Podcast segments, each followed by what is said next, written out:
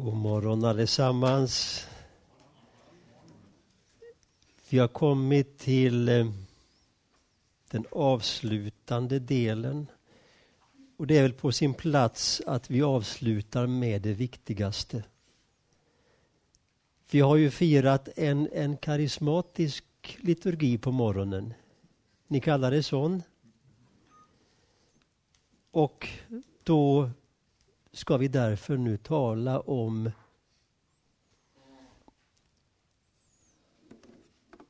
detta som vi bara rörde vid, bevegade vid mycket kortfattat igår. Det som sammanfattas i den liturgiska termen, beteckningen epiklesen, som är en förutsättning för allt annat. När vi det kan ju se lite forskälligt ut, men när vi idag talar om det karismatiska och en karismatisk gudstjänst och en karismatisk kristendom så tänker vi kanske ofta på lovprisningen, lovsången. Och det gör vi ju med rätta. Och vi kanske ibland också tänker på en speciell måte att lovprisa och lovsynga Gud. Kanske är det här som den östliga traditionen kan berika oss på en alldeles speciell måte. Jag brukar säga att de två viktigaste tingen, erfaringarna som jag har med mig från min uppväxt, min tradition och som också gör att jag icke känner något behov av att lämna den. Det är som jag sa igår, kärleken till Bibeln, kärleken till Guds ord och det är erfaringen av Anden. Bönen i Anden, Andens bön. Och kanske är det just i det avseendet som mötet med den östliga traditionen för mig den orientaliska ortodoxa traditionen, den syriska och egyptiska kyrkan i hög grad både var ett, en sådan igenkänning, en sådan som jag sa igår upplevelse av hemkomst. Och samtidigt var det ju på en måte något omvälvande. Och med tiden när jag fick hjälp att reflektera över vad jag varit med om. Och det är alltid den ordningen i våra liv. Först gör vi erfaringen. Sedan kan vi reflektera över det vi har varit med om. Och därför, som vi sa igår, liturgin är den ontologiska förutsättningen för teologin. En människa är ju en sån förundlig varelse att hon kan bara förstå det hon redan har förstått. När vi har gjort en erfaring, förstått någonting, så behöver vi få hjälp att reflektera över det. Och mötet med den östliga traditionens måte att förstå och tala om den helige Ande. Den teologi om Anden som får sitt förtätade uttryck i liturgin, som bär hela liturgin och som egentligen sammanfattas i det som de ortodoxa fäderna, starjetserna, eremiterna i öknen ofta säger målet med det kristna livet, säger de, är att låta sig uppfyllas av den helige Ande. Jag säger ibland till mina vänner när vi förbereder oss i sakristian och ska fira söndagens liturgi. Nu ska vi be att vi får fira liturgin, mässan, gudstjänsten idag så att vi blir döpta i anden. Är vi icke döpta i anden? Har vi icke tagit emot anden? Jo, men trons tempus är presens. Anden är icke någonting vi förfogar, äger. Anden ges åt oss i ett pågående nu. Och varför ges anden åt oss? Vad syftar allt detta till? Och det vi ska se på lite grann är idag både den antropologi och den pneumatologi och den soteriologi som ryms i liturgin och som får sitt tydligaste uttryck, är mest framträdande i den östliga liturgin. Liturgin rymmer allt. Och jag citerade ju Meman igår som sa att mot slutet av sitt liv, om vi verkligen firar liturgin, det är trons klassrum. Det är den teologiska akademin. Det är seminariet, det är där vi blir teologer. Och han sa till och med lite tillspetsat, och han kunde ju göra det för han var dekan på ett seminarium. Då skulle vi icke behöva några teologiska seminarier. Det är här vi växer in i tron. Det är här vi tillvänjer oss Gud. Det är här vi förvandlas av den helige Ande. Ireneus av Lyon, och han är ju en av de tidigaste liturgiska teologerna, eukaristiska teologerna i kyrkan. Och inom parentes, när vi citerar, refererar till och talar om de vi kallar kyrkofäderna. Och då beväger vi oss i ett tidsspann av ja, 600-700 år, i alla fall fram till till och med det, det sjunde konciliet, eh, Maximus bekännaren. När vi talar om de vi kallar kyrkofäderna så ska vi komma ihåg nio av tio av dessa var församlingspastorer. De var herdar i kyrkan. Alltså inga akademiska teologer i den meningen. Och Det är viktigt att tänka på. Det är där teologin växer fram och formas. Ireneus, tidigt 200-tal. Biskop i, i, i Lyon, södra Frankrike, och som ju har, märker vi, ett enhetens ämbete, en enhetens karisma, där han försöker förstå den andre, hålla samman kyrkan när det drar åt olika håll. Ireneus säger så här. Vår tro är i samklang med eukaristin. Och eukaristin befäster vår tro. Återigen då så att vi alla är klara över vad vi talar om. Den måltid som i Bibeln och i kyrkan har försäljliga namn. Herrens måltid, brödsbrytelse, långt senare nattvard, mässa. Det vanligaste namnet, den vanligaste beteckningen i den tidiga kyrkan. Grekiskan var ju något av medelhavsområdets engelska på den tiden var begreppet eukaristi. Grekiskans för tacksägelse. Hela det kristna livet är från begynnelsen till slut en enda lång tacksägelse för Guds väldiga gärningar i Kristus. Och tacksägelsens mest fullödiga handling är en, påsk, är, är, är en måltid. Den måltid som konstituerar kyrkan. Så när vi talar om eukaristin, då talar vi om måltiden, mässan, men också om hela den gudstjänst där måltiden är själva höjdpunkten, klimax. När Ireneus säger vår tro är i samklang med eukaristin, vad är det han säger? Allt det vi tror, all teologi finns här. I den eukaristiska festen.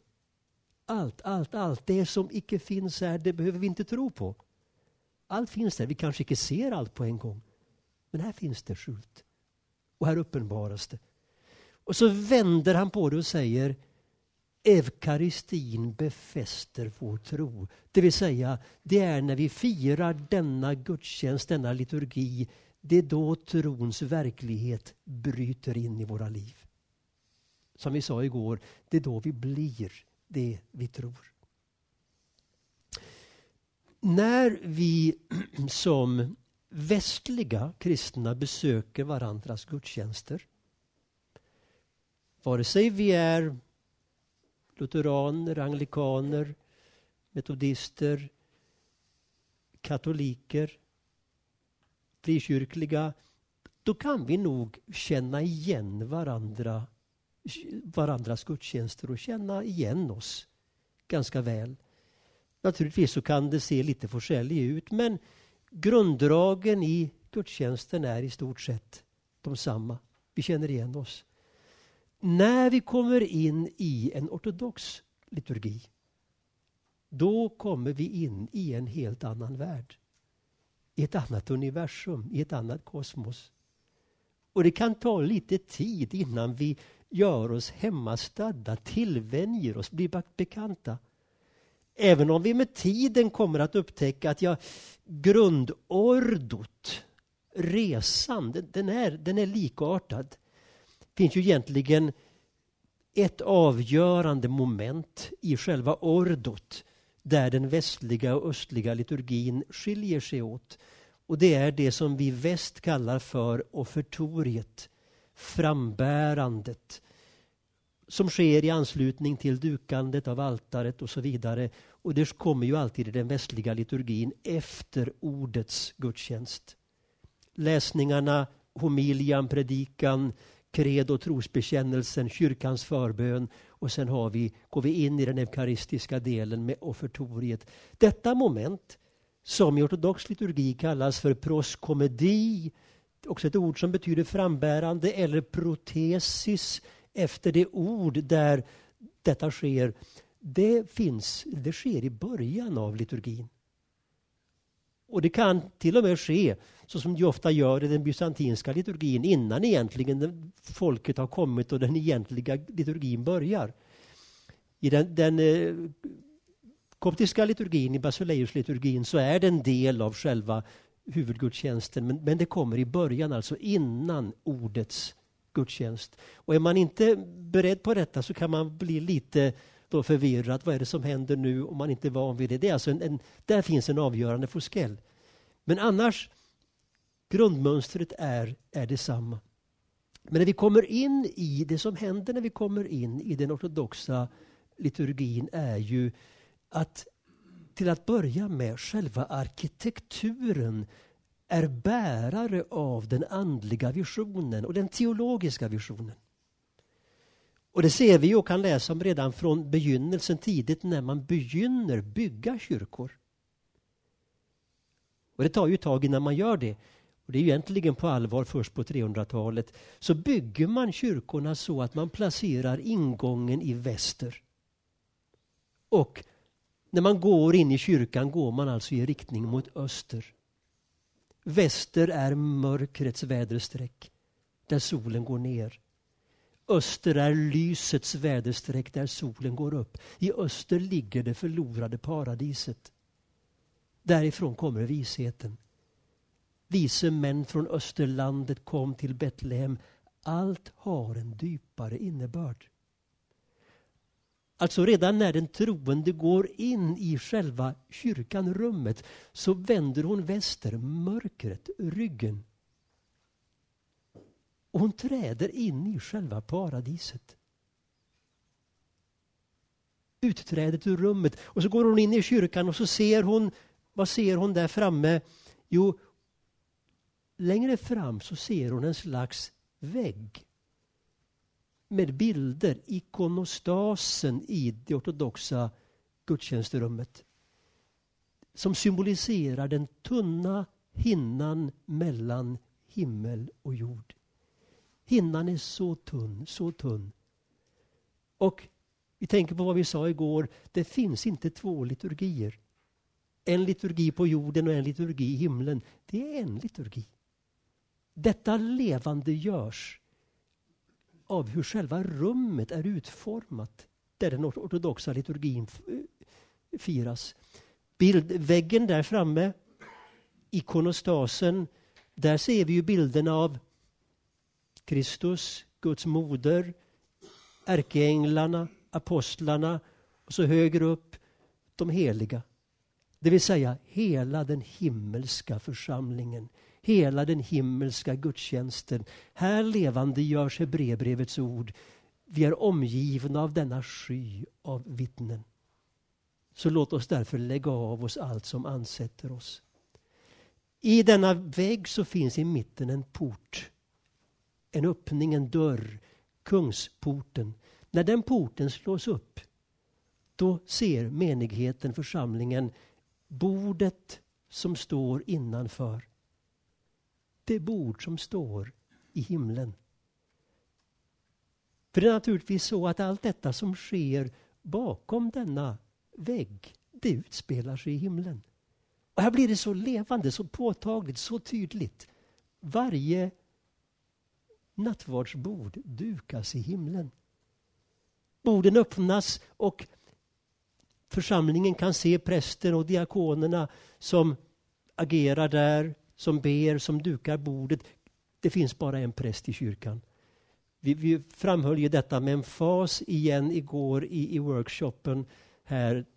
Tack till er som var, var närvarande. Vi hade ett så berikande samtal när vi arbetade verkligen med de här frågorna. Och vi, vi slog fast detta igen. Det finns bara en präst i kyrkan. Det är Kristus. Det är han som välkomnar oss.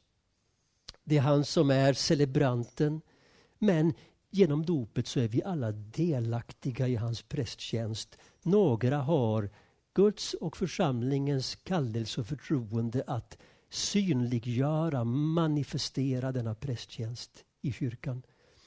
Kristus dukar bordet, prästen som representerar Kristus med medhjälparna. Och så småningom, det sker ju mycket, jag ska inte gå igenom allt detta nu, men när så småningom gåvorna bärs ut till församlingen som får vara med och ta emot brödet och vinet, ta emot Kristus, så kommer de genom kungsporten. Och det blir så påtagligt. Den verklighet som, som sker i varje mässa oberoende av om rummet ser ut så. Det ligger inte på det planet. Men här blir det så påtagligt. Kristus kommer och inbjuder oss att delta i den himmelska festen.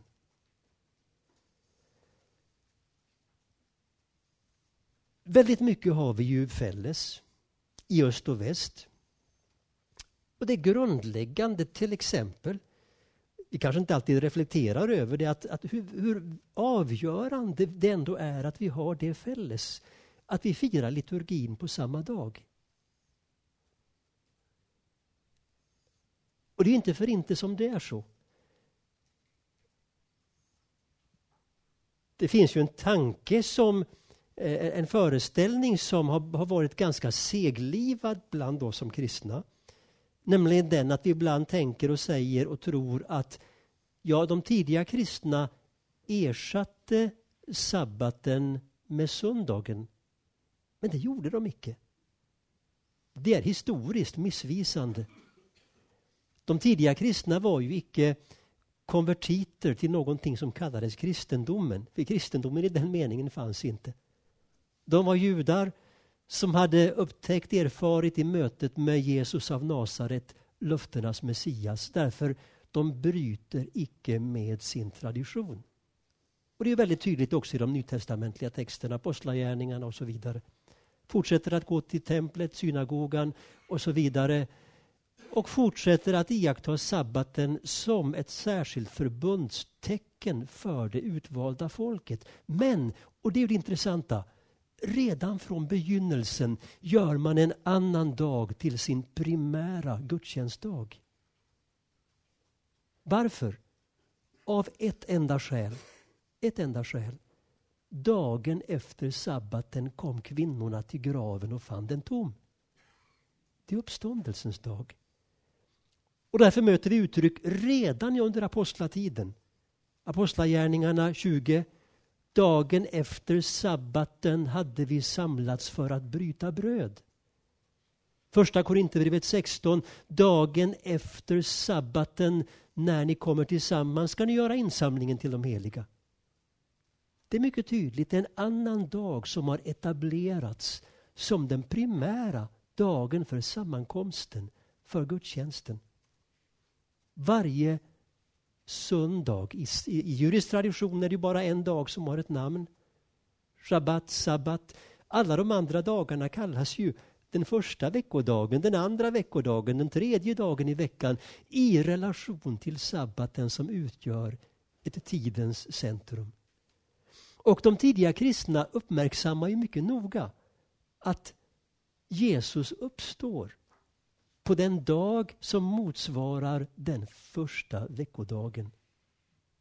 Ja, säger man, då föds den nya mänskligheten. Då börjar den nya skapelsen. Hur begynner liturgin i den tidiga kyrkan och än idag på många håll? Så är det i, i det sammanhang där jag firar eh, liturgin varje söndag morgon vad är det allra första gudstjänstledaren, prästen, säger till menigheten? Välkomna, det var trevligt att se dig. Ja, det, det, behöver, det behöver inte vara fel att säga det. Men i det här sammanhanget, det är inte det första. Ja, det, det är kanske en sång och en procession, men sen, vad är det första prästen säger? Frid vare med er. Varför är det det första? Därför att det var det allra första enligt Johannesevangeliet som Jesus sa när han mötte sina vänner som fällskap, som grupp efter sin uppståndelse på påskdagens kväll. Johannes 20. Frid vare med er. Och så står det ju, han andas på dem och säger ta emot helig ande. Liturgins, gudstjänstens första epikles. Redan här, i själva den självande inledningen av liturgin, sker den första epiklesen. Jesus hälsar oss, frid vare med er, och han andas på oss helig ande. Och då blir det så levande. Ja, vi befinner oss på andra sidan död och uppståndelse. Inte bara på andra sidan Kristi uppståndelse, på andra sidan vår egen död och uppståndelse. Den första dagen i veckan, påskdagen, den nya skapelsens, den nya mänsklighetens dag. Dagen på andra sidan död och uppståndelse som mycket tidigt i texterna kan vi se detta.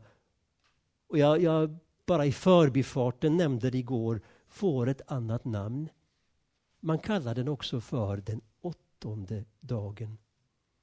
Varifrån kommer det? Varifrån får man detta? Den egna litteraturen. Den judiska, hebreiska. Henoksböckerna. Vi kanske inte har läst dem, de tillhör varken Gamla testamentet eller tillägget. Men de finns i perioden mellan strax innan, århundradena innan Kristus. Och vi vet att de lästes på apostlarnas och Jesu tid. De är citerade i vårt nya testamente. Bland annat i, i, i Judasbrevet. Några små böcker uppkallade efter Henok vi känner igen honom i, i Bibelns inledning. Och när vi läser om honom så, så, låter det ju som att han inte dör en naturlig biologisk död. Det låter som att han vandrar rakt in i himlen. Ni vet vem jag talar om nu, Henok? Och Hebreerbrevet tolkar ju hans övergång på den måten. Han vandrar rakt in i himlen. Det finns alltså några, några små skrifter, tre stycken, som är uppkallade efter denne Henok. De är inte skrivna av honom, men uppkallade efter honom. Och där finns bland annat uttrycket i en av dessa Gud har också skapat den åttonde dagen. Ja, sa de tidiga kristna. Det är ju söndagen, Herrens dag. Det vill säga, på sex dagar skapar Gud världen. Den sjunde gör han till sin och människornas vilodag. Men bortom skapelsens sju dagar väntar en annan dag. När tiden lagt av sin slitna kappa och uppgått i evigheten. Den åttonde dagen föregriper evigheten. Det är en dag på andra sidan död och uppståndelse. En dag på andra sidan parosin, Kristi återkomst. Och jag tror inte att vi kan förstå den gestalt, den klädedräkt, den form, det uttryck som kyrkans gudstjänst under de första århundradena allt tydligare får om vi icke gör det mot bakgrund av denna vision. Alltså hur man tänkte. För man önskar ju att den gudstjänst man firade på den dag som är både den första och den åttonde. Den upphör ju icke att vara den första dagen. Den tillhör fortfarande denna tidsålder. Men den är på samma gång en dag utanför tiden.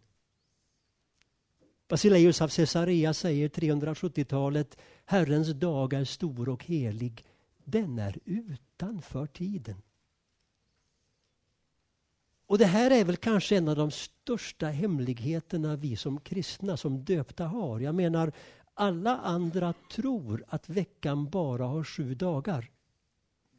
Det är bara den döpte som vet, nej, veckan har åtta dagar. Det finns en dag som både den första och den åttonde. Och man tänkte alltså så, man ville att den gudstjänst, den liturgi man firade på den dagen, så långt det bara var möjligt, skulle vara en avglans, en reflex, en spegel. En delaktighet i den himmelska gudstjänsten. Alltså det är mot bakgrund av denna vision som vi behöver förstå hur liturgin växer fram och som vi behöver förstå den teologi som liturgin är bärare av. Nu ställer vi kanske ibland spörsmålet och vi kan, vi kan möta människor som gör det. Ja, men hur såg de första kristnas gudstjänst ut? De flesta kristna har väl ändå på, på något sätt en önskan och ett ideal av att vi vill vara trogna ursprungskristendomen, Nya testamentet. Ja, men hur såg Nya testamentets gudstjänst ut? Den första generationen. Ja, det enkla svaret är ju på en måte, det vet vi inte. Det vill säga, om vi ska utgå från texter, beskrivningar av hur gudstjänsten såg ut. För några sådana beskrivningar har vi inte. Alltså beskrivningar i termer av när vi samlades gjorde vi det och sen gjorde vi det och sen gjorde vi det och så hände det. Vi får små antydningar och inblickar. Så att om vi ska bygga på det, utgå från det, det vet vi inte. Och samtidigt kan vi naturligtvis säga vi vet nog en hel del om det. Dels därför att vi har kontinuiteten. Alltså de tidiga kristna, de vi kallar de tidiga kristna, bryter icke med sin tradition. Kyrkans gudstjänst har sina tydliga och självklara rötter i den judiska gudstjänsten. Den judiska gudstjänsten har två poler eller platser.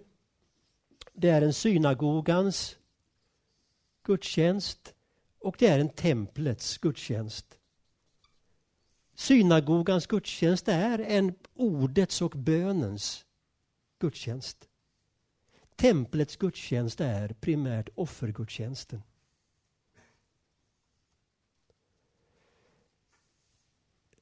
Den allra första beskrivningen som finns bevarad från den tidiga kyrkan av en söndaglig gudstjänst den är ju från första hälften av 100-talet. Har ni tittat på den under dagarna här? Erik har haft uppe den. För då, då, tycker jag att det kan vara på sin plats eftersom... Har ni haft uppe det Justinus beskrivning? Nej? Ja, men ni har inte tittat på den tillsammans. För då, då kan det och den är ju väldigt kort. Eh, så det kan vara på sin plats att vi bara påminner oss den nu när vi har dagar om liturgi och gudstjänst. Alltså den första kända beskrivningen av en söndaglig gudstjänst, av själva ordot, hur det gick till. Och den har haft stor betydelse i forskningen. Och när Justinus, som tillhör de som brukar kallas för de apostoliska fäderna, alltså de bland kyrkofäderna som, som finns i, i generationen direkt efter apostlarna, det är de som brukar kallas för de apostoliska fäderna. När han ger denna beskrivning, då, då märker vi han ger den inte till församlingen. De behövde ju inte det. De behövde ingen beskrivning av det här gör vi när vi kommer samman. Det visste de ju. De var ju där varje söndag. Och, och, vi ska ju tänka på det när vi då ibland ställer spörsmålet, ja men om nu detta är så viktigt, varför säger icke Nya Testamentet mer om det här? Ofta ganska naturliga skäl. Det alla var hemmastödda med, det alla kände till, det alla var bekanta med, behövde man ju inte skriva långa brev om. Utan breven vi har i Nya Testamentet är ju nästan alltid skrivna mot bakgrund av det fanns oklarheter, oenighet, det var någonting som behövde korrigeras eller som man behövde upplysa om. Men det alla var överens om, det alla kände till, det alla var bekanta med behövde inte apostlarna skriva långa brev om. Och därför finns det ju flera som vi kan tycka stora spörsmål. Varför står det icke mer om detta i Nya Testamentet? Naturliga skäl. Men då kan vi ju ofta redan mycket tidigt i den tidigkristna litteraturen finna kompletterande beskrivningar och upplysningar som hjälper oss till en tydligare förståelse av ofta en ordning som inte är, är en innovation men som har sina självklara rötter i apostlatiden. När Justinus ger den här beskrivningen då är det mot bakgrund av att det uppstår en hel del rykten om vad de kristna egentligen gör. En, hel, en del helt bisarra rykten om vad de gör när de kommer samman. Därför ger eh, Justinus en väldigt enkel och klar beskrivning så att alla ska förstå.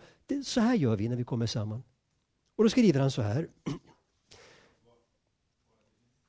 Justinus martyren. Justinus martyren.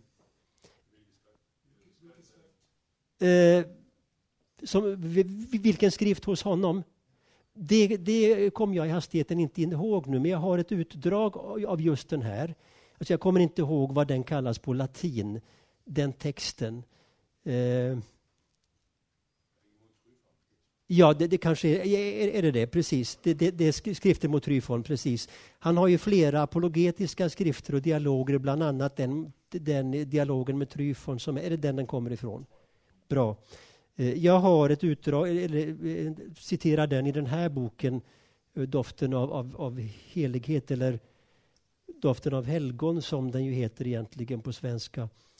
På den dag som kallas solens dag samlas vi alla från byarna och från landet. Man läser från apostlarnas minnesanteckningar och profeternas skrifter så länge tiden räcker.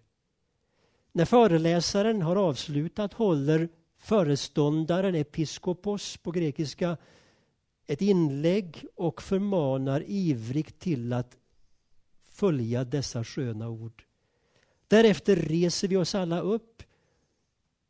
Och när bönen därefter reser vi oss alla upp och ber.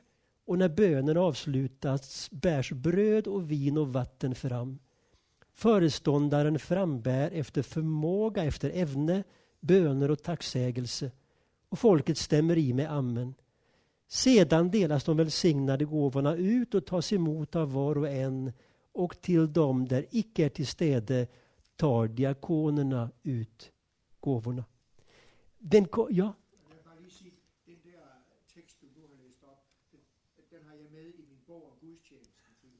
Fint.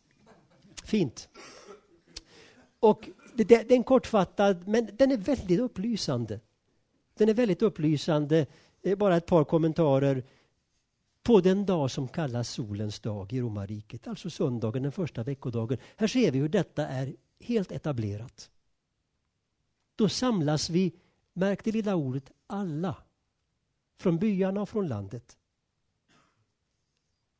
Det är de som samlas till denna sammankomst, som firar denna gudstjänst. Det är de som utgör kyrkan. Eukaristin skapar kyrkan. Att utebli ett antal söndagar utan rimliga skäl. Det var redan vid denna tid i princip att exkommunicera sig själv. Det kan låta drastiskt i våra ögon, men vi ser senare, men det var ju egentligen helt analogt med, helt i linje med hur man uppfattade kyrkans väsen. De som hade förenats med Kristus genom dopet, det var genom att de varje söndag tog emot Kristus i bröd och vin som de förblev i Kristus. I kyrkan. När vi kommer in på 300-talet och den utveckling som vi har då så ser man sig föranledd att skriva in detta i den kanoniska lagen, i kyrkoordningarna, kyrkolagarna. Och vi kan läsa i flera kyrkoordningar från 300-talet.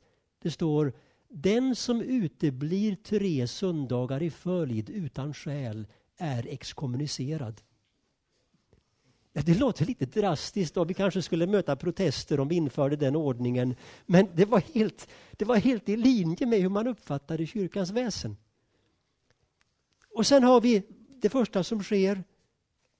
Man läser ur apostlarnas minnesanteckningar. Intressant uttryck. Alltså här har vi ju inte Nya Testamentet ännu samlat. Som en enhetlig bok, eh, dess kanon evangelierna som skickades runt. och profeternas skrifter. Läsningarna. Efter läsningarna så håller föreståndaren ett anförande, predikan och uppmanar till att efterfölja dessa sköna ord. Vi sa ju igår på workshopen här, för er som inte var med, med då, liturgins, gudstjänstens mest känsliga, kritiska ögonblick är ju predikan. Därför att den ställer en alldeles speciell krav på disciplin på predikanten. Allt det andra behöver vi inte tänka så mycket på. Det kan vi. Liturgin vilar vi. Den är densamma, den är oföränderlig. Den behöver inte förbereda oss i den mening, i teknisk mening. Vi vet vad som sker. Men predikan är känslig. Dels får det ju inte svälla ut. Predikan är ju inte, är ju inte huvudnumret så att säga i liturgin så som den, den skildras här och i den klassiska liturgin. Hur lång bör en, en, en god predikan vara? Ja, det kan ju finnas olika ideal. Eh, så att det är inte ett spörsmål om rätt och fel. Jag brukar säga i det sammanhang där jag har ansvar och firar högmässan och om vi har gästpredikanter. Ja, det man som predikant inte hinner säga på 10-12 minuter. Ja, man hinner säga oerhört mycket. På den tiden. Alltså som du har gjort på morgnarna här Per i dina bibelutläggningar. Man hinner säga väldigt, väldigt mycket och ge mycket näring på 10-12 minuter. Alltså predikan i mässan är ju inte som vi sa igår, det är inte, en, det är inte ett andligt föredrag, det är inte ett bibelstudium. Det behöver vi i allra högsta grad ha i kyrkan. Men nu talar vi om söndagens, de döptas sammankomst, liturgi, gudstjänst på söndagen i mässans sammanhang. Predikan är en utläggning av skrifterna så att det blir, som vi läste igår hos Lev Gillet, ett personligt tilltal från Kristus till var och en. Vad gör man sen? Man reser sig upp och ber. Kyrkans förbön. Och vad gör man sen, säger Justinus? Man bär fram bröd, vin och vatten. Offertoriet. Och föreståndaren frambär tacksägelser, de eukaristiska bönerna. Och var och en tar emot kommunionen. Här har vi hela ordot från början. Och här har vi rötterna i apostlatiden. Det som sen hände på 300-400-talet är ju att utifrån ordot förändras aldrig. Men i väst och öst så utvecklas det lite olika. Och det som händer i öst är ju att visionen av att vi på denna dag som är den åttonde dagen när tid och rum överskrids, vi dras in i hela frälsningsdramat, är att man låter hela Guds ekonomi, hela Guds handlande från skapelsen till den himmelska härligheten spelas upp, repeteras, realiseras, närvarandegöras i liturgin. Allt ifrån hur själva rummet formas till hela skeendet, hela dramat. Och bara denna lilla detalj, när vi kommer in i en, idag i en ortodox kyrka i jämförelse med, med ofta en protestantisk kyrka, är ju detta att liturgin firas, den måste firas med öppna ögon. Du ser ingen som blundar när han ber i en ortodox liturgi. Därför att man ber med ögonen. Och då måste man ha ögonen öppna. Man kommer till tro med sina ögon. När man ser frälsningsdramat spelas upp. Man ber med kroppen. Man deltar. Och det här vi får då i öst begreppet anafora. Medan man i väst då här från 300-talet och framåt talar om kanonbönerna. Det känner vi igen, kanonbönen. Och det är ett begrepp som används kanske inte så mycket i, i, i, i eh, västlig liturgi förutom i den romerska liturgin. Det vill säga de skrivna mönsterbönerna som man följer i nattvardsbönerna. Begreppet kanon, kanonbönerna i mässan i liturgin, det kan vi spåra till 300-400-talet i väst. En av de första är ju de äldsta, den som går tillbaka till Hippolytos. Och det är i så fall redan tillbaka på, på 200-talet. Men här kommer begreppet anafora in i den östliga liturgin. Och hela denna långa bön, nattvardsbönen, är anaforan. Anaforabönen. Anaforan, den liturgiska termen alltså, som betecknar rummets överskridande och som inleds med sursum corda, säger man då i väst på latin. Upplyft era hjärtan, anafora. Och det är som vi sa igår, det fälles för både väst och öst. Uppstigandet till himlen, lovprisningen och tacksägelsen inför den himmelska tronen.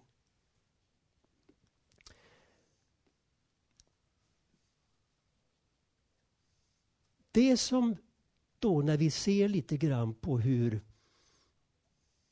vad man säger, vad man ber, hur man uttrycker sig i liturgin. Det vi ganska snart ser det är att någonting framträder i den ortodoxa liturgin och sedermera allt tydligare i dess teologi som inte är så framträdande i den västliga liturgin. Och det är det som är förbundet med epiklesen.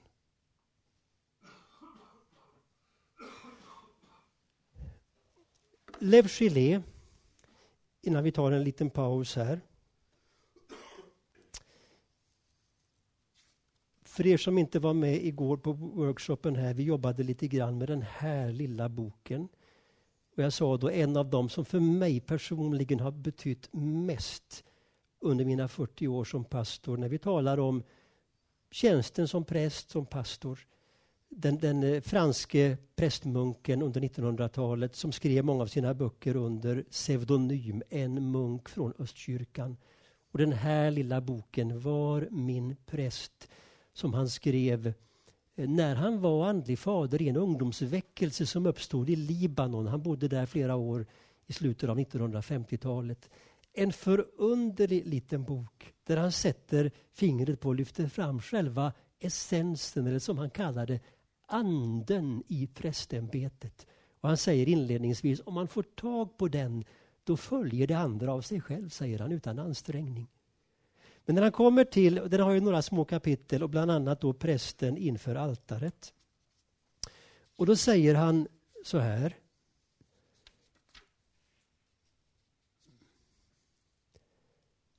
Åtskilliga gånger under liturgin ber prästen, fadern, sända anden över oss och över gåvorna på altaret.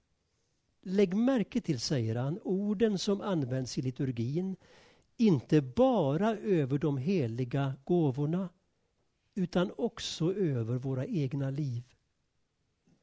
Prästen bör alltid låta dessa böner om den helige Andes nedstigande åtföljas av ett ögonblicks stilla tillbedjan för att därmed understryka hur viktiga de är. Och så säger han, varje liturgi är en ny pingst. Liksom den är en delaktighet i vår Herres lidande.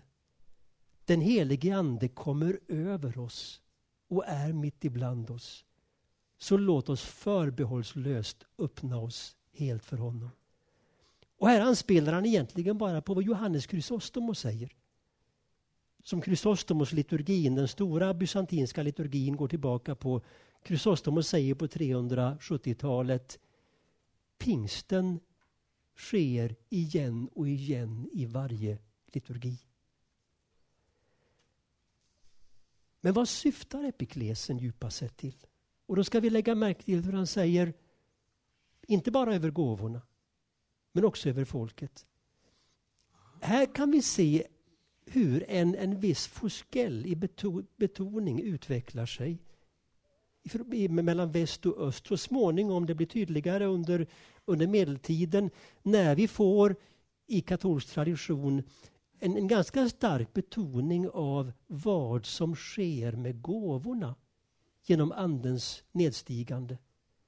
Alltså förvandlingen av brödet och vinet till Kristi kropp och blod. I grunden finns här ingen forskel mellan öst och väst. Det var en sån självklar tro, det kan vi se redan i mycket, mycket tidiga kyrkan eftersom som Kyrillos, den store liturgiske teologen på 300-talet, Kyrillos av Jerusalem säger när han tar upp detta, ja men om nu Jesus har sagt, säger Kyrillos, detta är min kropp, hur kan vi då tvivla? Om Jesus har sagt detta är mitt blod, hur kan vi då tvivla? Ja, säger han, vi förstår det inte. Alltså det var ju därför denna tron, den var aldrig kontroversiell. Att de troende i brödet och vinet i verklig mening tar emot Kristi kropp och blod. Det var aldrig kontroversiellt eftersom Jesus hade ju själv varit så tydlig i detta. Det blir ju kontroversiellt först egentligen 1500-talet och framåt. Det behöver vi inte gå in på nu. Men där det ändå finns en forskeller. här. Det blir en betoning av som hänger samman med en vilja att förstå och förklara. Och den är alltid bedräglig. Speciellt om man kanske vill ta in filosofiska begrepp för att förstå och förklara ett, ett mysterium. Att förklara vad som egentligen sker i förvandlingen av gåvorna. Det är aldrig en, ett spörsmål i den, den ortodoxa traditionen och liturgin. Hela liturgin är en epikles.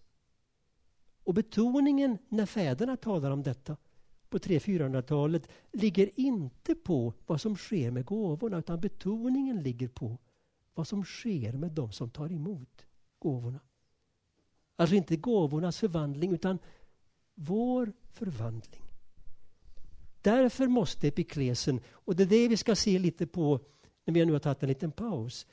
Den måste ses i samband med det som är kanske ett av de mest centrala teologiska begreppen i den, den eh, ortodoxa traditionen, nämligen det som på grekiska kallas för teosis.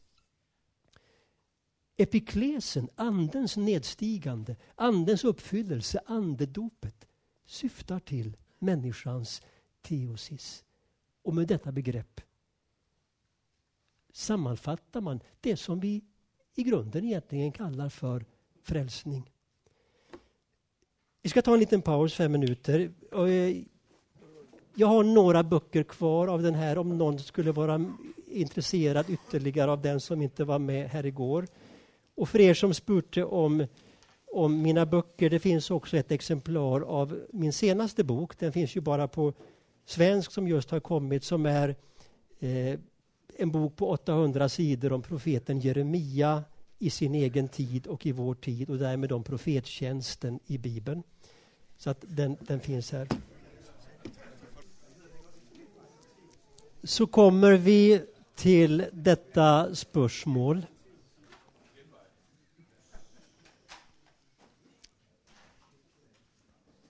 Så kommer vi till detta spörsmål. Varför ges anden varför ges den helige Ande åt kyrkan på pinsedagen?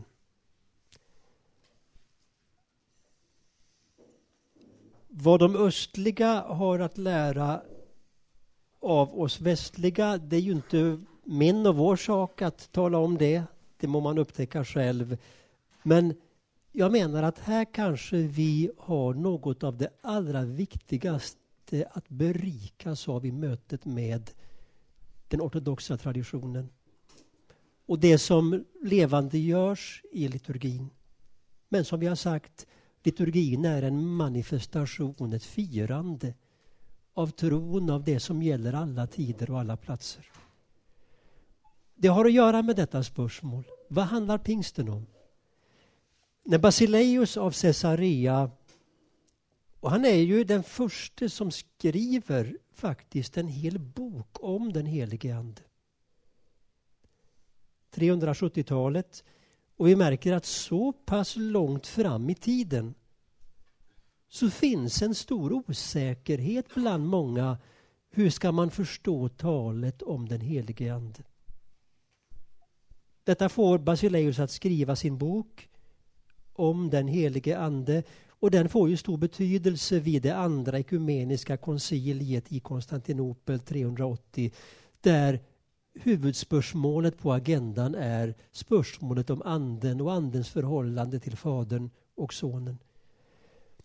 I sin bok så säger han, tar upp en mängd ting, men eh, Basileus säger bland annat det som händer vid pingsten, säger han, det är att den helige Ande ges åt var och en som om anden därefter bara vore hos honom och henne. Spörsmålet är om vi vågar tro detta, förmår vi ta det till oss? Anden, alltså Basileus säger pinsen innebär att anden ges åt var och en som om anden bara vore hos honom och henne. Ja, anden är ju inte delbar. Man kan icke ha en del av den helige ande. Antingen bor anden hos oss eller icke. Och hvis anden bor hos oss så gör anden det i sin fullhet. Men förmår vi, kan vi ta detta till oss? Den helige Ande har givits åt dig, åt dig, åt dig, åt dig, åt dig, åt mig, som om Anden bara vore hos dig. Varför ges Anden åt oss? Vad syftar det till? Ja, då skulle vi säkert svara, många av oss, med Jesu egna ord i Apostlagärningarna, för att vi ska vittna. Jesus säger ju det. Helt riktigt. Men vad betyder det? Vad är det att vittna? Vem är ett vittne? Man kan ju också ställa spörsmålet sån. Vad är det som gör att man lyssnar till en annan människa? Eller man kan till och med spöra vad är det man lyssnar till hos en annan människa? Är det det hon säger?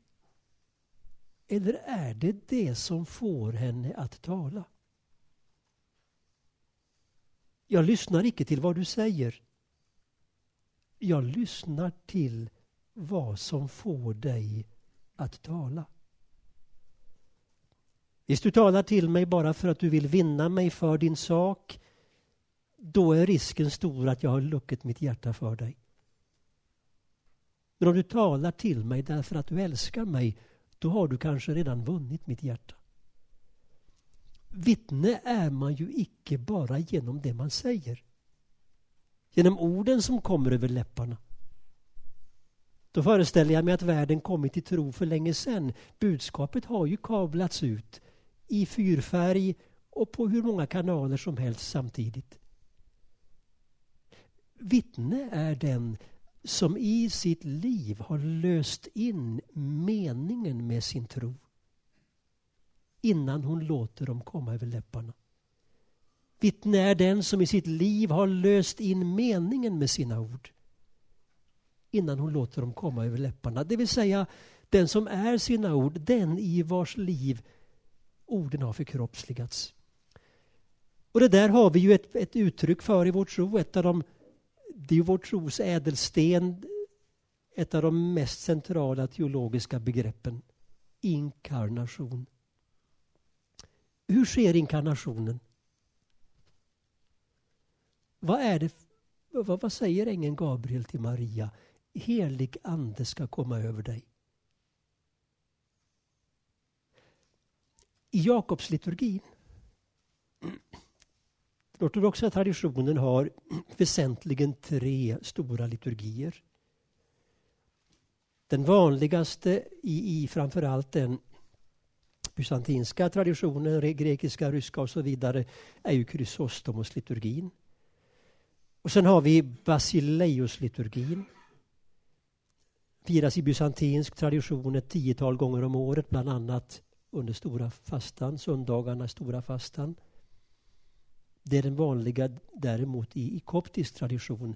Den tredje, den firas egentligen bara en gång om året i bysantinsk tradition. Det är Jakobsliturgin. Det är dock den äldsta.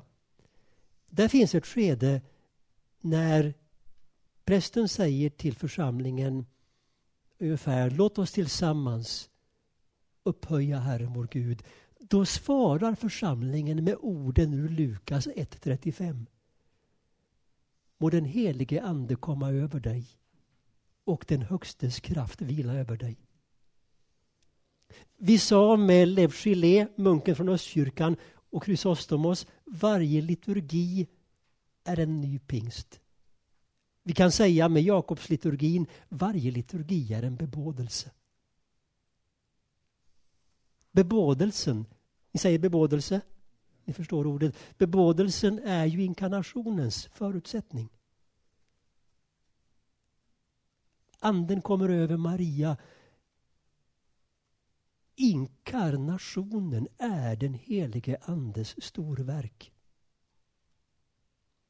Alltså när vi ställer spörsmålet varför ges anden åt människan?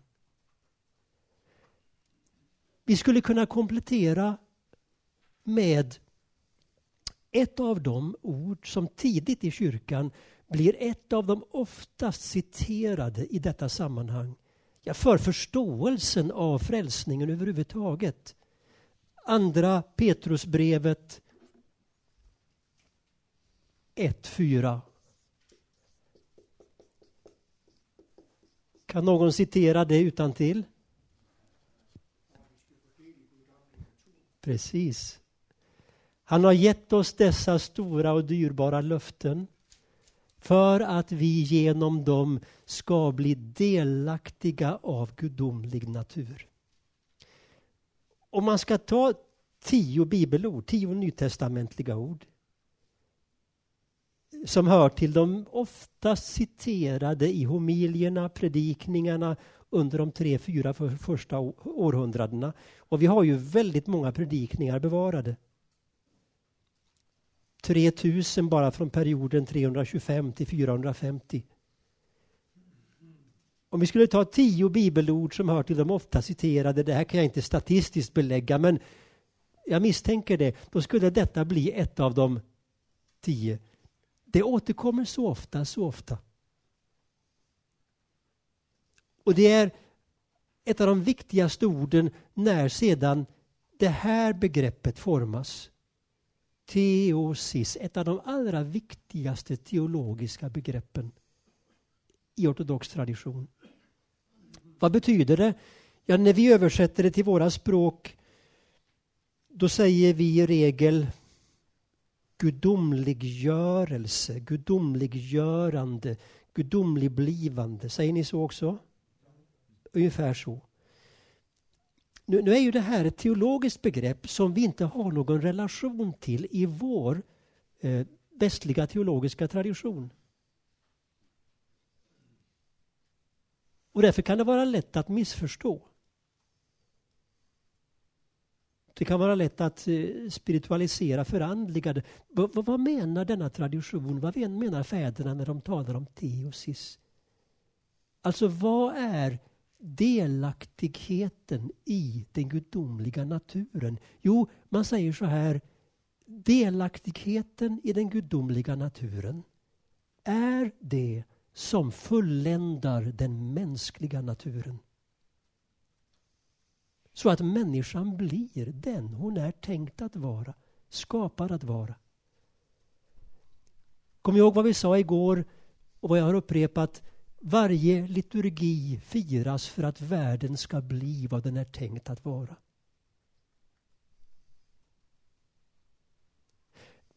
Teosis, delaktigheten av den gudomliga naturen som är Andens stora gåva och verk är alltså det som gör att människan blir sig själv. Vi säger ju så ibland i vår kultur. Ja, men jag vill vara mig själv. Jag måste få vara mig själv. Ni säger så på dansk också? Vad menar vi när vi säger så? Ja, vad är det att vara sig själv? Ja, då visar det sig ofta när, jag rannsakar mig lite grann. Ja, jag måste ju följa mina tankar och känslor och drömmar och min längsel och min... Alltså vad är det att vara sig själv? Att vara trogen mot sig själv. Sitt innersta jag, sin djupaste identitet. Ja, vi har ju en, en förståelse av detta och den är ju ofta på ett plan omedveten. Det som formulerades av filosofen på 1600-talet Cartesius, Descartes, cogito ergo sum. Jag tänker, därför är jag. Det där sitter djupare hos den västerländska människan än vad vi ofta är medvetna om. Alltså som om mina tankar och känslor vore det sannaste, det mest autentiska uttrycket för mitt jag. Om det är så, ja men då måste jag ju följa varje tanke och känsla. För annars är jag ju inte trogen mig själv. De tidiga fäderna skulle ju skakat på huvudet åt detta. De skulle ha sagt, inte tror du väl att du är för att du tänker? För också om du inga tankar alls har, du är likväl. Ditt jag, ditt vara, den du djupast sett är som människa har icke sin grund i dina tankar och känslor. Det har sin grund i Gud. Och, skulle de sagt, dina tankar och känslor är icke bara drivkrafter för ditt självförverkligande eller som du som vill vara så from säger för Guds vilja. De är också en del av din brustenhet. Som skulle fäderna och mödrarna i öknen ha sagt, som du genom askesen, övningen, behöver få ett mellanrum till, vinna ett mått av oberoende och frihet gentemot, så att du inte är ett offer för att kastas hit och dit och fram och tillbaka av alla dina känslor och tankar som strömmar igenom dig. Alltså vad är det att vara sig själv? Cogito ergo sum, jag tänker därför är jag. Vad är det kristna svaret? Jag älskar därför är jag.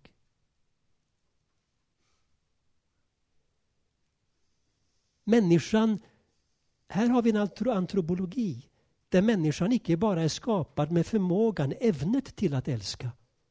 Människan är till sitt djupaste väsen kärlighet.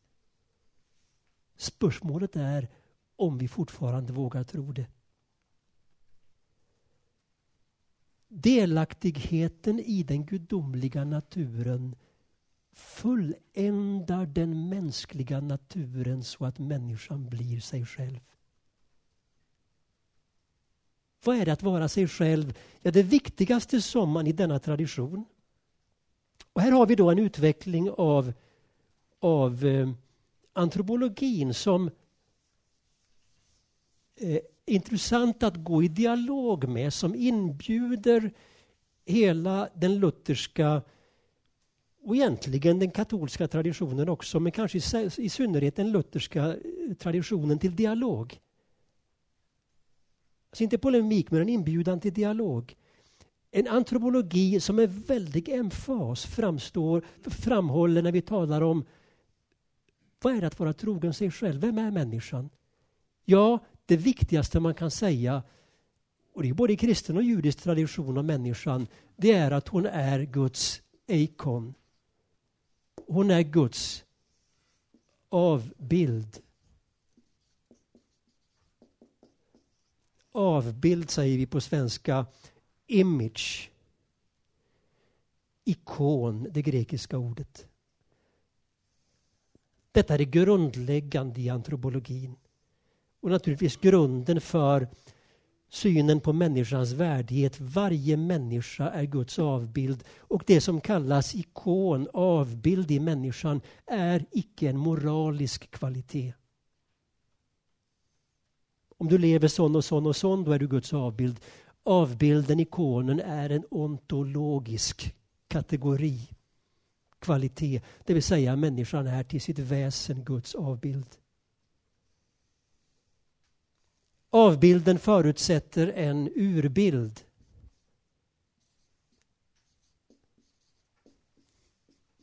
Säger ni så också? Urbild, original. Avbilden förutsätter en urbild.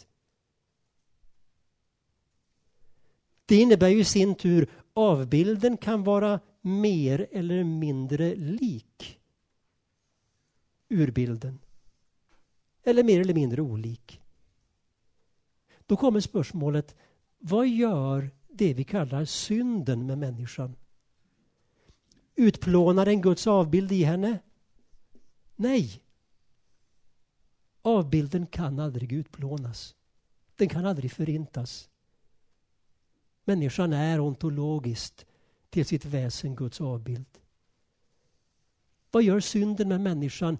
Den vanställer, den förvränger avbildens likhet med urbilden. Och ibland kan den förvrängas in till, nästan in till oigenkännlighet. Så att det till sist bara är den som har ett rent hjärta som också i den människan ser Guds avbild, ikonen. En av de stora andliga mästarna i denna tradition, den östliga, är ju Isak av Syrien. Ni är bekanta något med Isak av Syrien, Isak Nineve. Några känner igen honom. 600-talet. Det var ju Isak som han kommer vandrande från dessa trakter eh, Persiska viken genom öknen. Han kommer upp till där dagens Mosul ligger i Irak. Där låg dåtidens Nineve. 670-680-tal. Han slår sig ner där. Man ska välja biskop efter några år i Nineve. Då börjar folk säga Tänk om vi kunde få Isak till vår nye biskop. Man vill ju gärna ha en bedjande biskop i kyrkan. Och så blir det så, man väljer, man pekar ut och utser Isak till sin nye biskop. Men efter fem, sex månader har Isak tröttnat på allt bråk i kyrkan, allt byråkratiskt krångel. Alla som hopar anklagelser om heresi över de andliga lärare han när sig av. Efter fem, sex månader tar han vandringsstaven och går och han säger Biskop kan ingen människa i världen vara. Och så går han upp i ökenbergen och lever där. Och man tänker, vad synd, han fick inget större inflytande i kyrkan. Han ville icke vara biskop. Isak är en av de mest inflytelserika. Det går rännilar av förnyelse från hans liv århundrade efter århundrade. Hundra år efter hans levnad. Man läser Isaks texter överallt i kyrkan. Också där man bråkar med varandra på överflaten. Men alla läser Isak. Han är en radikal ekumen, en gränsöverskridande skickelse. En kväll samlar han sina discipler omkring sig och så ställer han spörsmålet hur vet man att man har ett rent hjärta? Ingen vågar svara.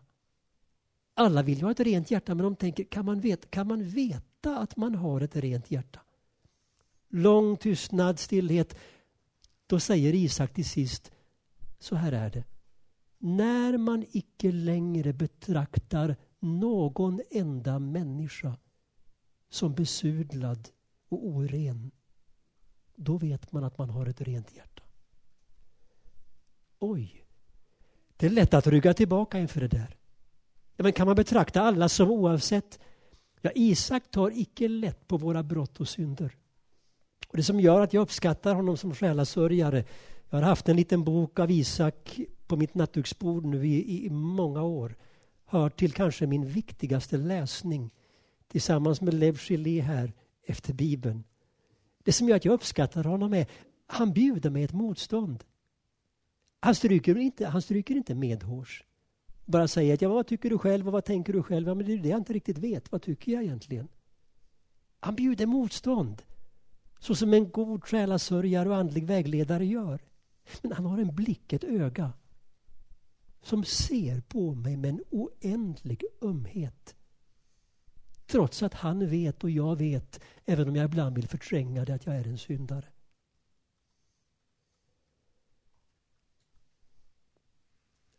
Synden utplånar icke ikonen, men synden förvränger avbildens likhet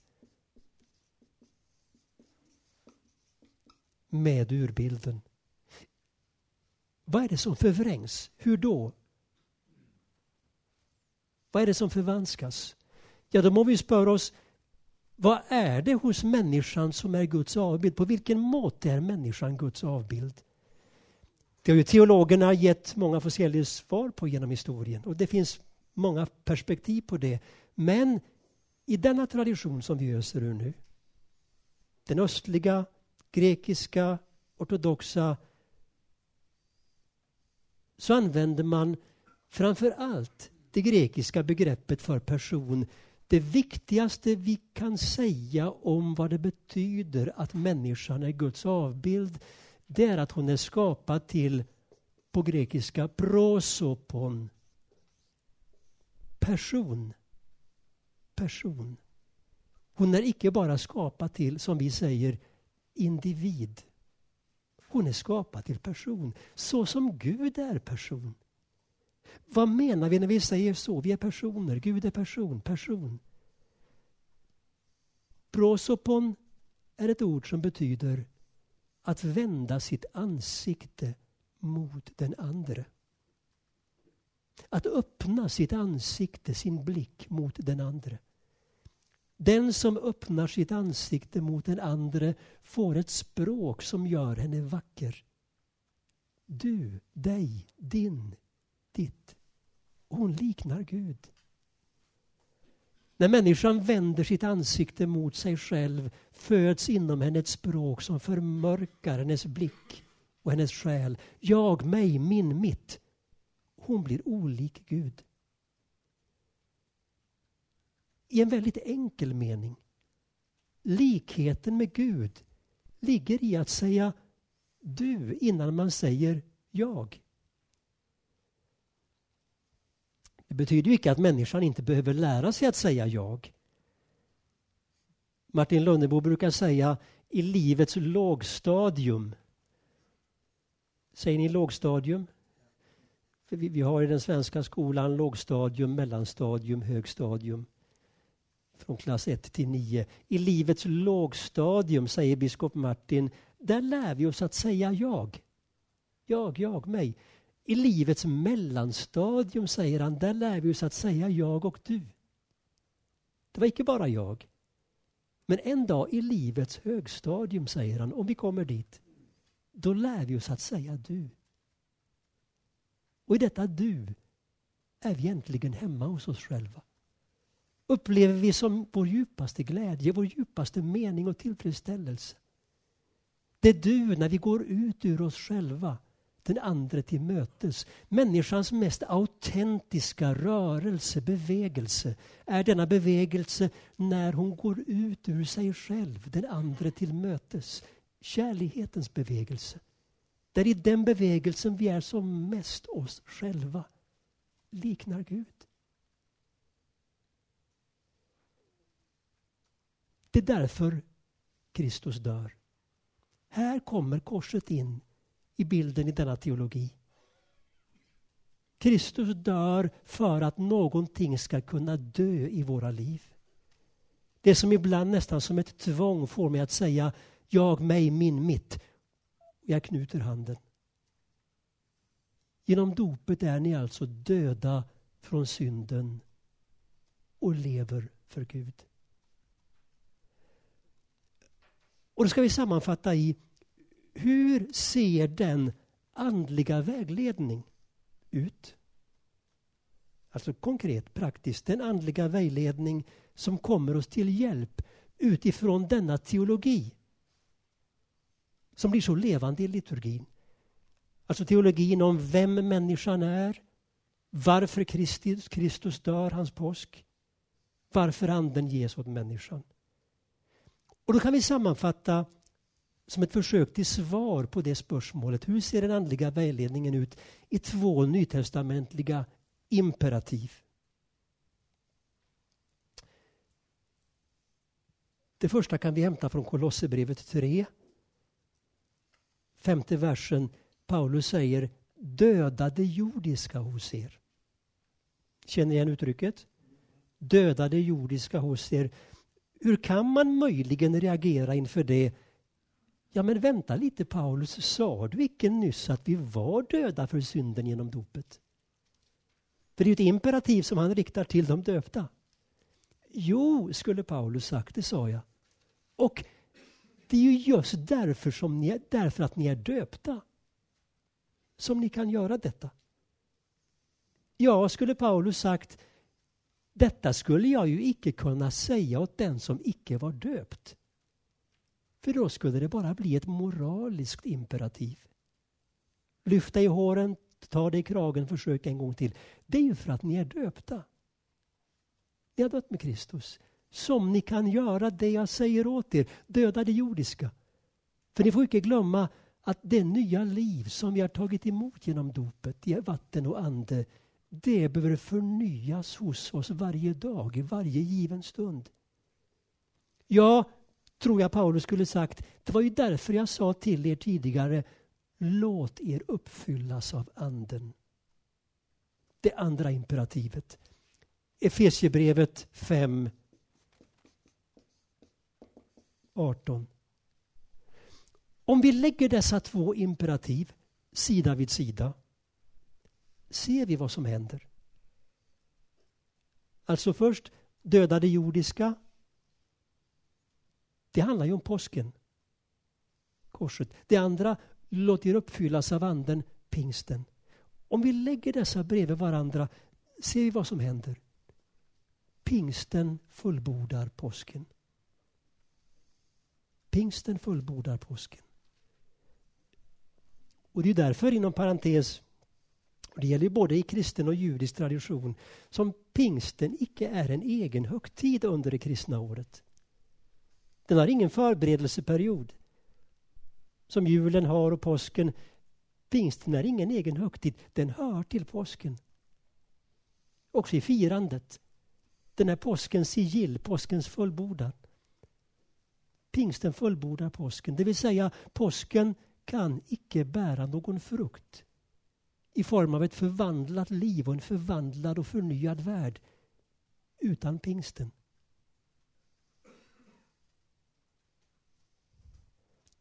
Vad menar Paulus med det jordiska? Det där kan ju ni som lutheraner, det bibliska språket är ju inte helt enkelt alla gånger. Det jordiska, då kanske vi tänker på det skapade, kroppens och sinnenas behov och så vidare, då går vi vilse.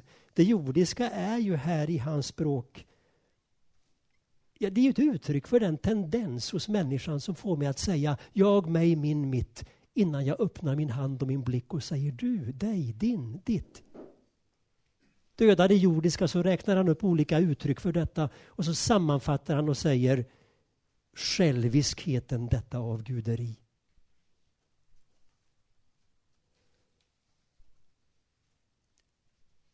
Detta är inte ett moraliskt projekt. Och vi vet ju historien när kyrkan har tenderat att göra detta till ett moraliskt projekt. Då har vi fått en kyrka som är snubblande lik ordningsmakten. Man måste gå en annan väg, säger Paulus. Romarbrevet 8, om ni genom anden dödade jordiska och så vidare.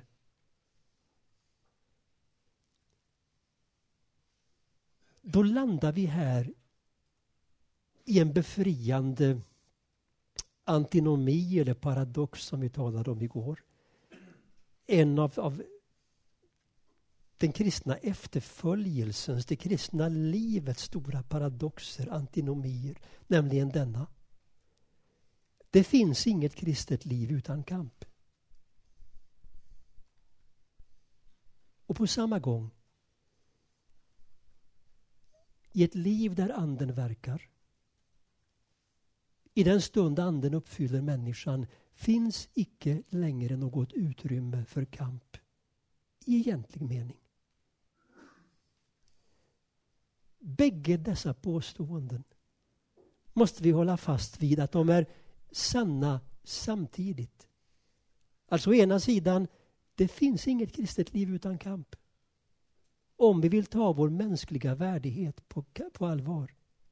Kampen mot synden, det som förvränger avbildens likhet med urbilden. Men i den stund anden rör vid människans hjärta finns ingen kamp längre. Varför? Därför att då blir allt det människan gör en positiv akt. Lika lätt och otvungen som varje handling som är driven av kärlighet. Och den har vi aldrig beskrivit som en kamp. Det är därför jag blir allt mer övertygad om att det finns knappast ett viktigare imperativ i hela Nya Testamentet än detta. Från den här versen Efesierbrevet 5.18 har jag en gång i tiden stulit en boktitel. En annan översättning av den versen lyder Drick dypt av anden.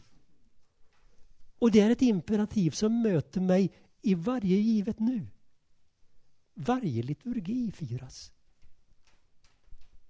Av detta skäl, för att hela mitt liv ska vara en åkallan av, en epikles, en öppenhet för, en förväntan på den helige Ande.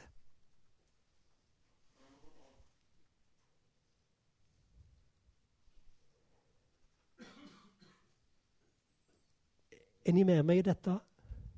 Ja, ni får gärna protestera så att det inte det. Varsågoda.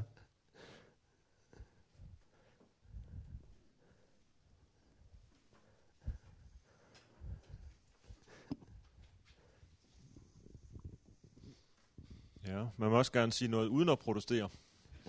øh, per Damgaard Petersen, tidligere præst i Armenien, nu Kolding. Ja, det er rigtigt, Peter Hallof. Jeg har tidligere arbejdet i Armenien i den armenske Ah, apostolske kirke. Ja. Og det tror jeg godt, du kan fornemme på mig, at øh, jeg bærer noget med mig derfra. Det förstår jag. Ja. Jeg har et spørgsmål til dig, som jeg også har til den armenske kirkes skønne, skønne teologi. Jeg kan formulere det meget enkelt sådan her. Du taler om, at mennesket fuldendes. Menneskets natur fuldendes i teosis. Det er det her fuldendes, jeg er ude efter. Der findes nemlig mange af den her slags, øh, hvad skal vi kalde det, graduelle, nærmest lidt kvantitative bestemmelser i ortodox teologi. Og vi lutheranere, vi tænker enten eller. Enten er der er det hele der på én gang, Mm. eller også er det der ikke. Man kan ikke være mere eller mindre frelst, osv. Mm. I ortodox teologi, næsten alle ortodoxe kirker, der er en af de bærende symboler for livet og åndelig indsigt, det er stigen, Jakobs stigen. Mm. Man kan gå op og gå ned. Mm. Man søger den lærer, der har et højere trin end en selv. Man står selv hernede og tager trin ind i mysteriet eller opad mod Mm. Gud. I Luthers teologi, der vender stigen her. Den vender så at sige vandret. Det er et fængsel. Mennesket er fængslet. Stigens trin er blevet til træmmer. Vi skal have sprængt træmmerne, og så bliver vi fri. Og så bliver vi 100% fri. For at formulere det med en filosofisk term, så det, det, der er den vigtigste relationsbestemmelse i den lutherske udgave af teologien, det er en form for nativitet. Et menneske bliver født, og så er det der. Et menneske bliver undfanget, og så er det der. Det sker med et slag og i et nu. Mm. Før var det ikke, og nu er det der det hele. Mm. Mens der er mange graduelle, kvantitative, mere og mindre Mm. øh, relationsbestemmelser i den ortodoxe teologi. Det her er noget, jeg har tænkt meget over. Mm. Mm. Kan du hjælpe lidt på vej her? Ja, det vet jag inte om jag kan göra, men du, du formulerar det ju så väl. Så väl och eh,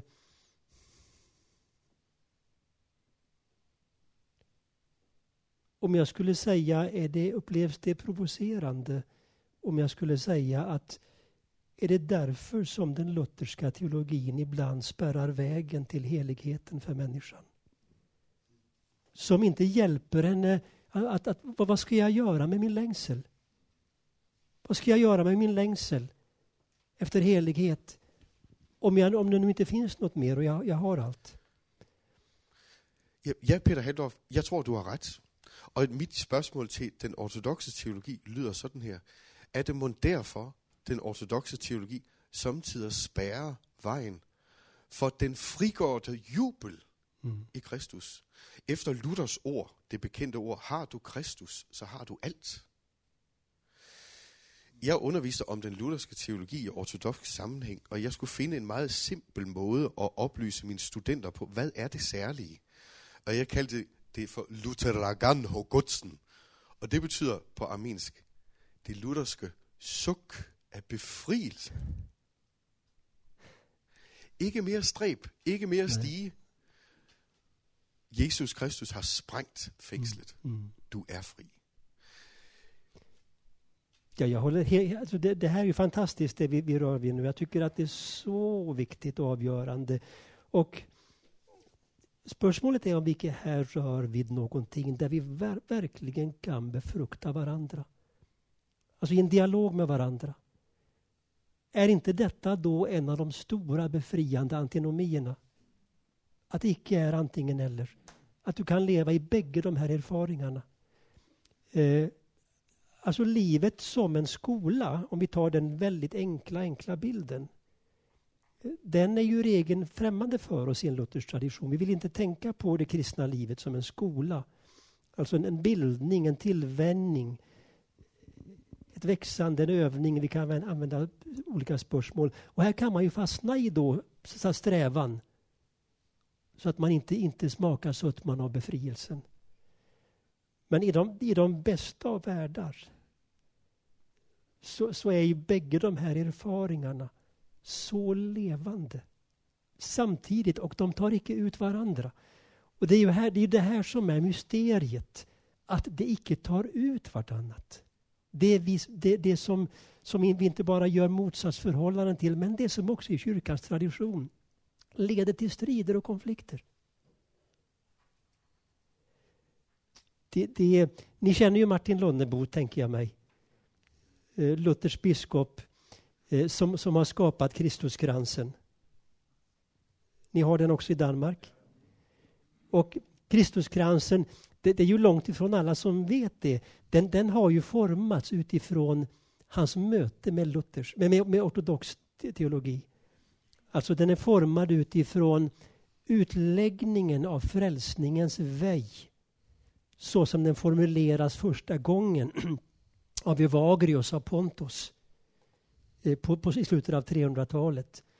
Och de, de fyra begre, klassiska begreppen i ortodox vägledning askesis, askes, apatheia, den inre friheten, det är den blå pärlan, askesis, den bruna pärlan, apatheia, agape, kärligheten, den röda pärlan och teoria, målet, teoria, Målet teosis, teoria betyder ju skådande. Jag blir lik den jag skådar. Så att det, det här är, jag, jag, menar att Martin Lönnebo då, som jag har förmånen att lära känna, vi bor inte så långt från varandra, är en, en eh, underbar exponent för detta i vår tid. Eh, självklar i, i Luthers tradition Eh, och han kan tala om Luther och utlägga det som få andra, men, men där han håller samman det här. Ja, varsågod. Ja, okej. Okay. Det var någon med, det var någon före här. Ja, det, det eneste jeg ville lige på banen med, det var at prikke lidt hul på det der karikaturbillede, som Per kom med af luthersk tradition lige før.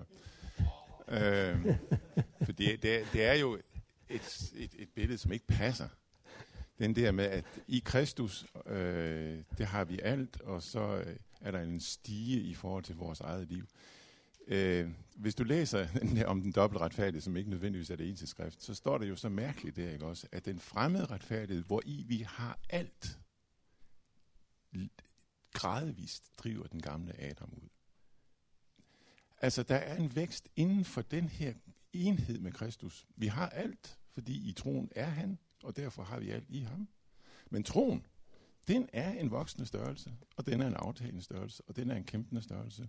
Og det er i kraft af den tro, som mere og mere ser det her, at han også kan fylde hjertet helt ud. Så der er begge aspekter hele tiden, og derfor ser jeg ikke en helt stor modsætning faktisk imellem det, vi har hørt her, og det, som jeg læser hos Luther. Tværtimod ser jeg mange ligheder, fordi de har begge deres fælles rødder. Jeg kan godt forstå, at du siger, at der er en betoning af vækst, sådan som jeg læser. Jeg kender ikke den ortodoxe kirke. Så at det er væksten, der bliver hovedpointen, og fuldheden kan vi måske have lidt svært ved at få øje på, ja.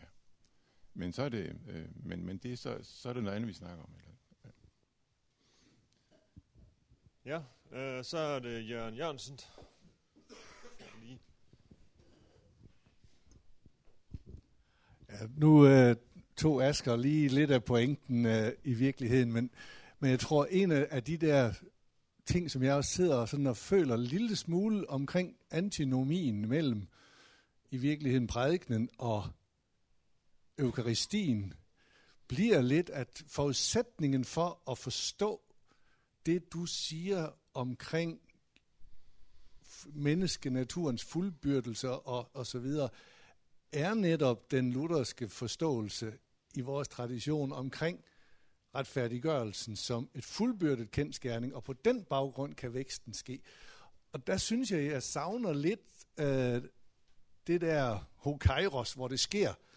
Øh, og, og i hvert fald øh, savner det som øh, i talesat, hvis man skal tage konsekvensen af, at, at liturgien så at sige øh, er, er hele teologien i en sum, som man ikke behøver at læse noget teologi. Øh, Øh, hvis man skal kunne det her, så skal man vide det øh, prædiket. Så jeg synes, øh, konflikten mellem prædikestol og alterbord bl- bliver lige lidt tydelig. Øh, der bliver ikke rigtig plads til den der refleksion, prædiken, af retfærdiggørelsen af tro alene som forudsætning for den her vækst. Men upplever du det som en konflikt mellan predikstolen och eukaristin i det jag säger? Att det är en konflikt? Ja, det synes jeg lidt. Jeg synes, at, at betoningen af, af mysteriet på en eller anden måde bliver så voldsom, så, så hver forsøg på at formulere det i rationel tankegang bliver tager, tager, punkterar mysteriet. Mm. Det, det, skulle jag nog inte säga därför att den apofatiska teologin förutsätter ju den katafatiska. Men vi kan bara sätta ord på det som är uppenbarat. Orden blir bara meningsfulla i ljuset av vår erfaring. Så det är ju inte det att predikan är oväsentlig i liturgin så som vi talar om den här nu. Eh, eh, när jag säger att, att eh, en god predikan 10-12 minuter så är ju inte det att ringakta predikan.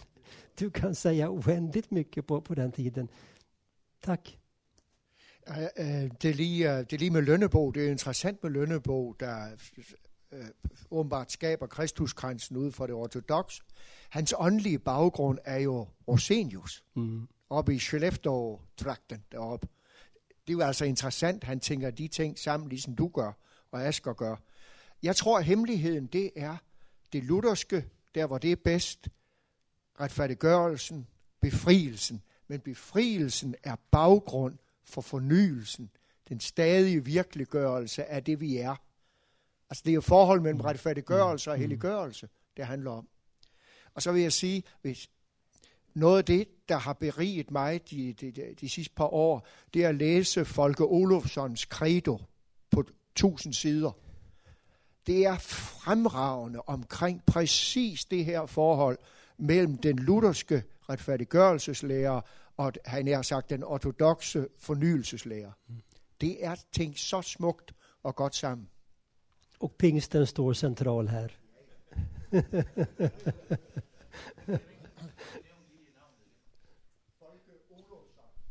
Svensk präst, Svenska kyrkan.